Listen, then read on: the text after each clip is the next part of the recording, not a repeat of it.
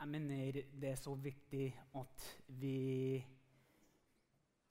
begynner å bruke de gavene Gud har gitt oss her i menigheten vår, hvor det er et trygt sted. Så ofte snakker vi om at ja, du skal dele troen med andre mennesker. Du skal bruke gavene der ute. Men hvis vi ikke liksom utruster dere med å bruke dem her, hvordan kan vi forvente at dere bruker den der ute? Så jeg tenker nå og fremover, hvis du føler at Gud har lagt noe på hjertet, en bønn, et ord, noe vi, vi, ønsker at dere skal komme frem. Vi er jo en pinsemenighet hvor vi stoler på noens gaver. Så da må vi begynne å bruke dem. Men vi må også, fordi med det kommer det med et stort ansvar. Som vil si at vi må bruke de gavene eh, som modne, troende mennesker. Og bruke dem til oppbygging og utmuntring av hverandre. Det er akkurat det vi leser i Apostles gjerninger. Det er akkurat det vi leser av alle pro, uh, profeter. Og ikke minst Jesus. De brukte dem for å oppbygge og utmuntre Guds folk og Guds menighet.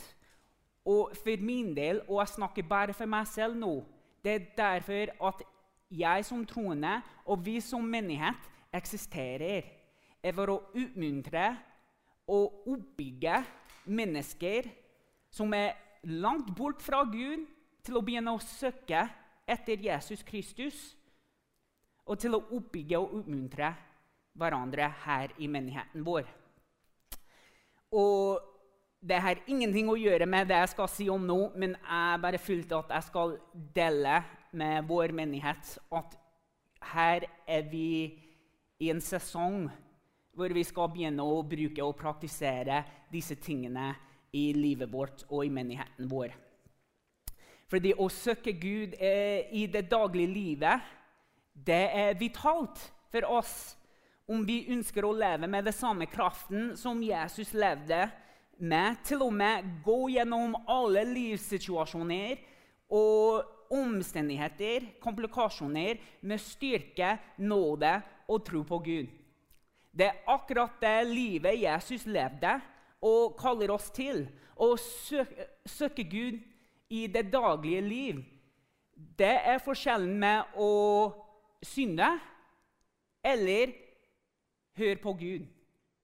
Å søke Gud i det daglige livet er forskjellen mellom å bli fanget av synd eller bli frigjort fra den synden. Og Nå starter vi en serie som skal føre oss mot første påskedagen og den store feiring av den tomme graven.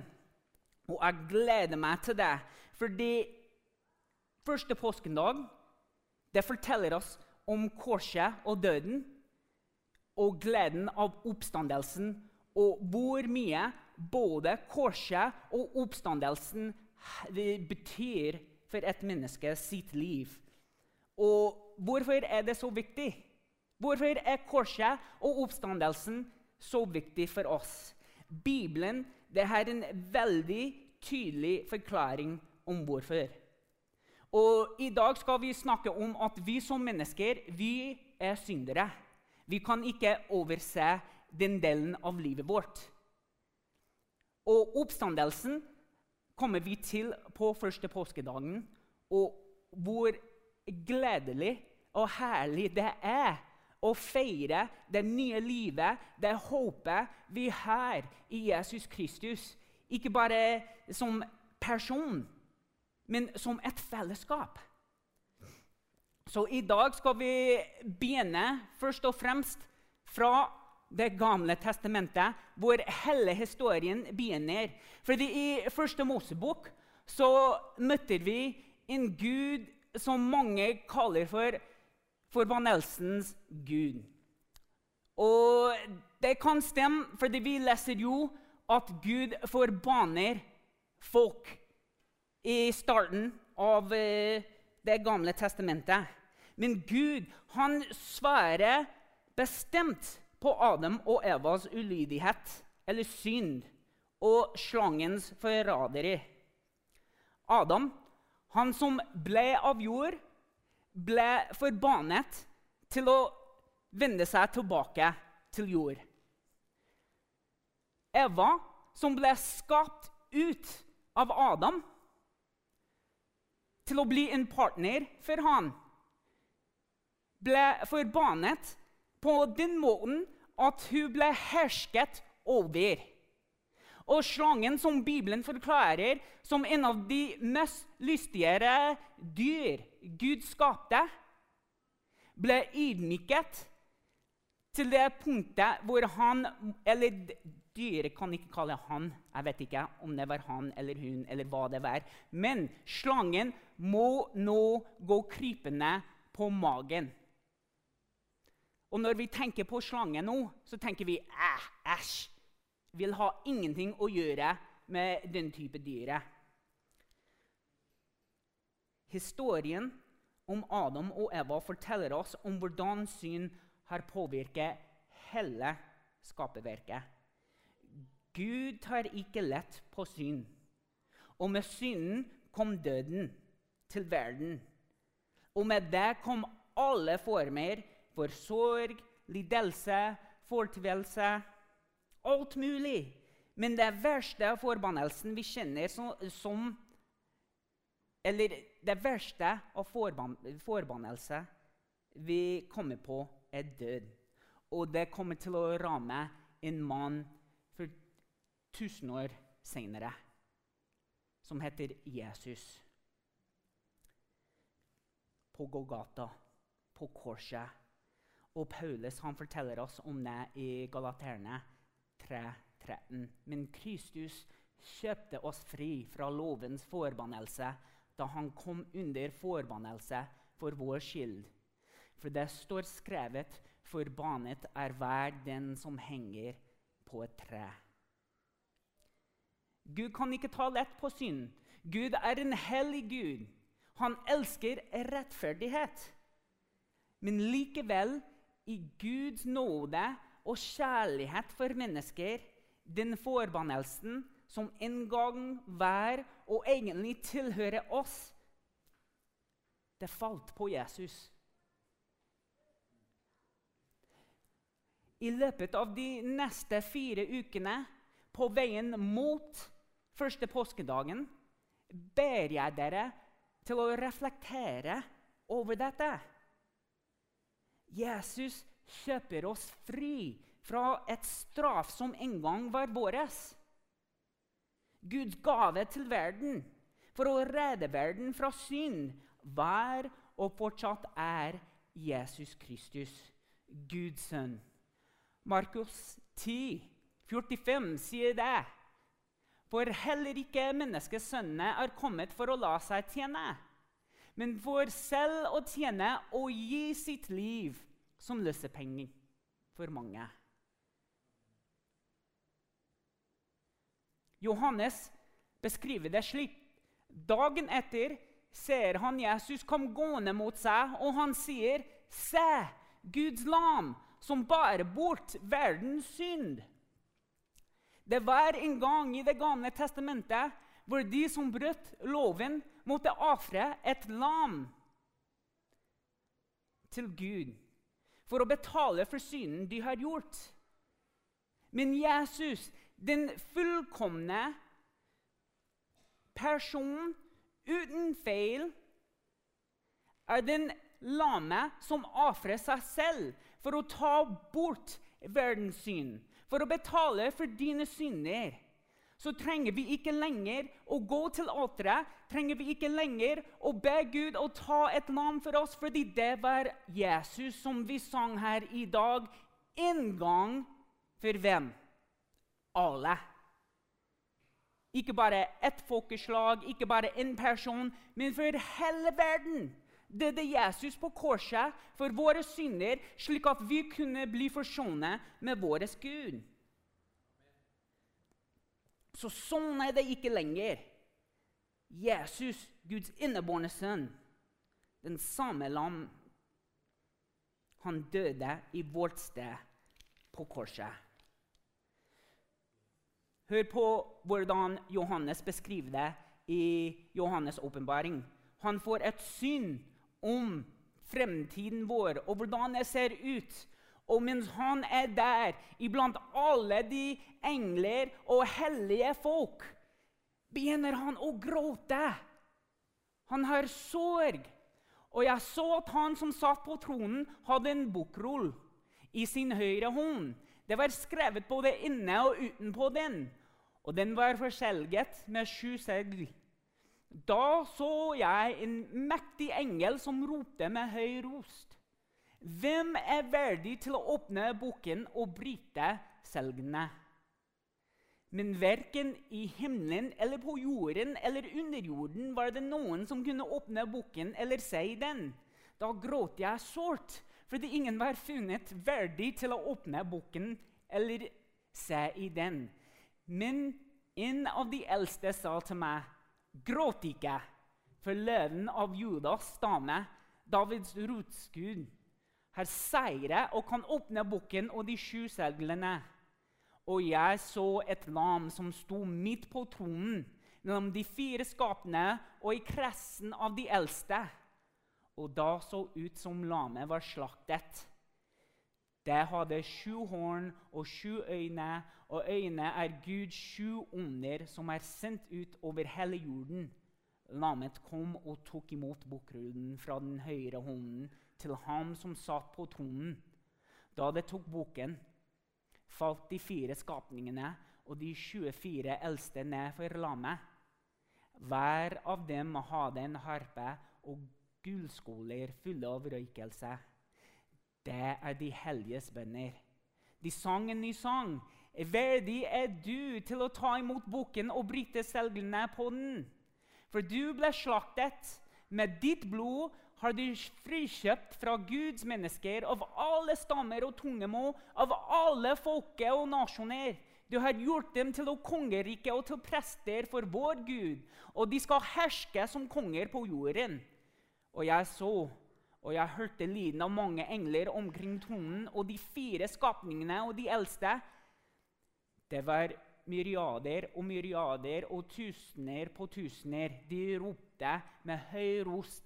Verdig er lammet som ble slaktet. Verdig til å få all makt og rikdom, visdom og styrke, ære og pris og takk. Og hver skapning i himmelen og på jorden og under jorden og på havet ja, alt som fins i dem, hørte jeg si, han som sitter på tronen. Ham og lammet være takk og ære, pris og makt i all evighet. De fire skapene svarte amen, og de eldste kastet seg ned og tilba. Det peker tilbake til Det gamle testamentet. Som sagt, det er hver en gang at man må bære frem et offer til Gud. Et lam som skulle bli slaktet for synder. Gud har gitt oss Jesus fordi vi er syndere.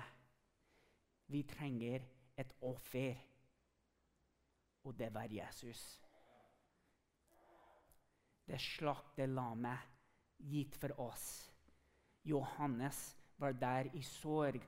Han gråt fordi han trodde det var ingen verdige nok til å åpne den bokrollen. Men da kom en eldste og sa, 'Gråt ikke.' Ser du ikke det slakte lammet? Har du ikke tatt imot Jesus? Det er han som er verdig. Når vi ser mot han, når vi vet hvorfor vi trenger Han, da kan vi rope om den seieren Jesus har fått over døden, som vi kommer til å feire den første påskedagen. Og hvorfor er dette så viktig? Fordi akkurat som Johannes, i stundene man fyller seg nedbrutt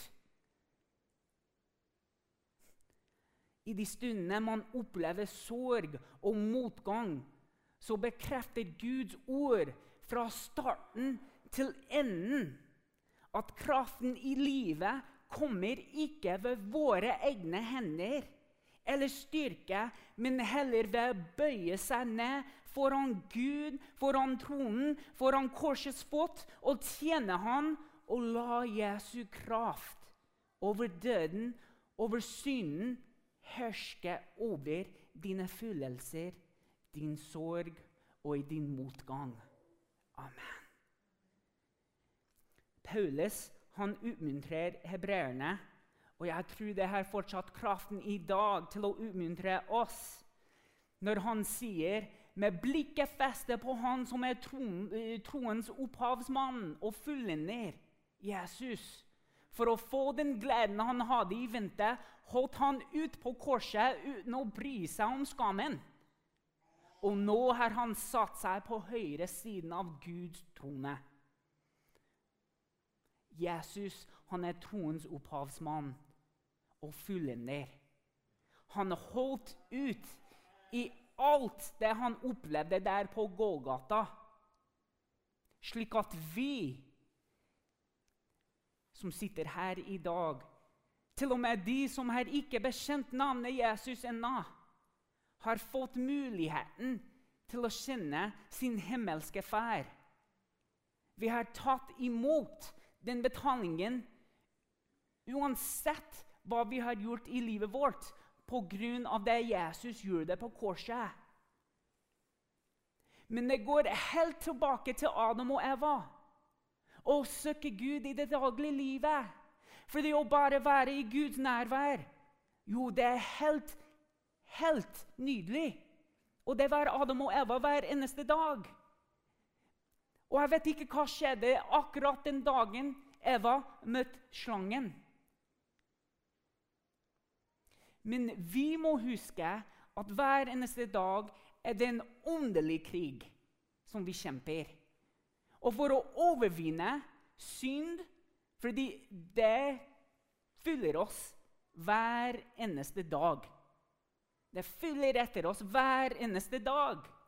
Må vi gi oss til det daglige livet hvor vi søker Gud.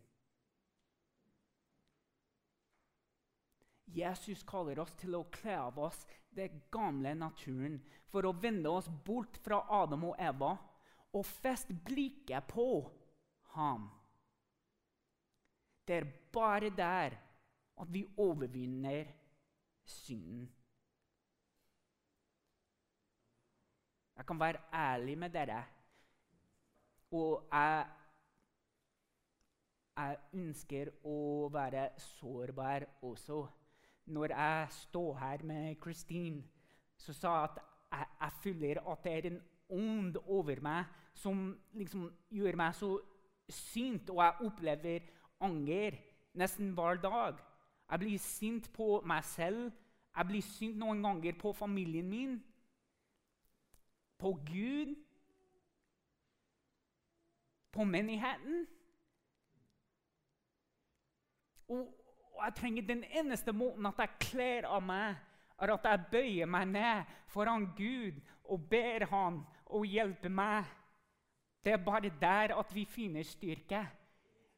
Bibelen teller oss å fortelle våre synder til våre brødre og søstre. Det er det jeg gjør nå. Jeg er en synder. Jeg trenger Jesus i mitt liv. Og det er dere som opplyser og hjelper meg til å se hvem Gud er i det livet jeg lever. Jeg er så takknemlig for at jeg kan bøye meg ned foran korsets fot sammen med dere. Og bli løftet opp av Guds ånd, av Guds kraft og utmuntring av min menighet. Tusen takk for at dere står sammen med meg i bønn, og at dere ber for meg.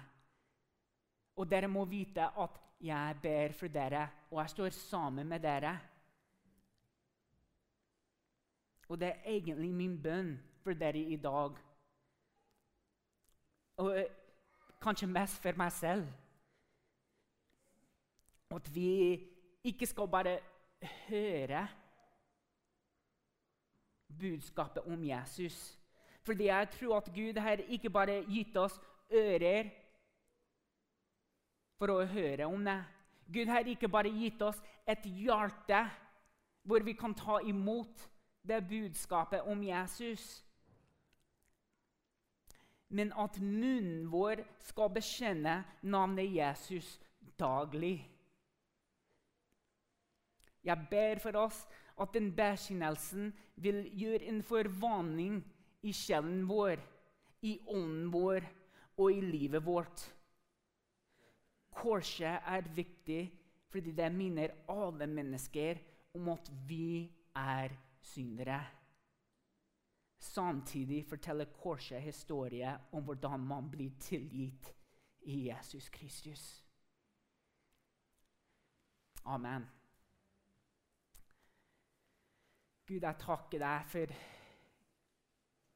hvor som helst vi står i livet vårt nå, at du har gitt oss kraften i Den hellige ånd til å kjempe mot synd. Takke deg, Gud, for at du har kalt oss til å kle av den gamle naturen vår og omvende oss og be om tilgivelse. Takke deg for at du er den fullkomne slakte lammet som var ofret for meg og for alle folkeslag.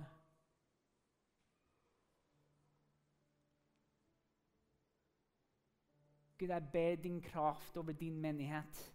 Jeg ber at her nå i den stunden her, når vi søker deg, Jesus, at du kan hjelpe å gjøre akkurat det og kle av oss den gamle naturen.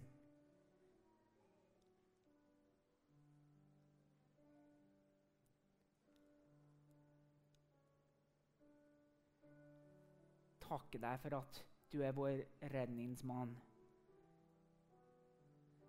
troens opphavsmann og fullender. Gud hjelpe oss til å feste blikket vårt på deg hver eneste dag. Hjelpe oss til å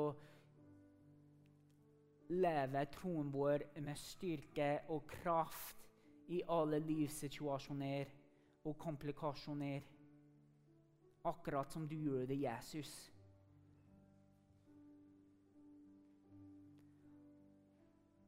Takke deg, Gud, for at du er ikke en Gud som tar lett på synd, men du er en hellig og rettferdig Gud.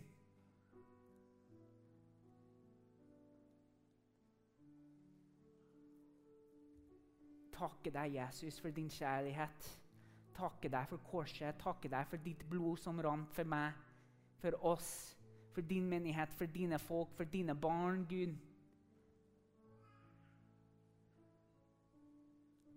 Takke deg for at vi trenger ikke å gråte lenger, fordi det fins en mann som er verdig, som er større enn alt annet i deg, Jesus. Akkurat som alle eldre og engler gjorde det i Johannes' åpenbaring 5 gjorde det. La oss bøye oss ned og la oss tilbe ditt navn, Jesus. La alle her i dag stå opp og begynne å lovprise navnet Jesus. Vi priser deg, Gud. Og igjen, hvis det er noen her som vil be for deres menighet, be for hverandre, gjør det. Hvis du har et vitnesbyrd som du vil fortelle om, bare kom frem. Hvis du har et ord til oppbygging og utmuntring, bare kom frem. Vi er i Guds hus. Vi er Guds folk. Vi skal tilbe ham i dag og i all evighet. Amen.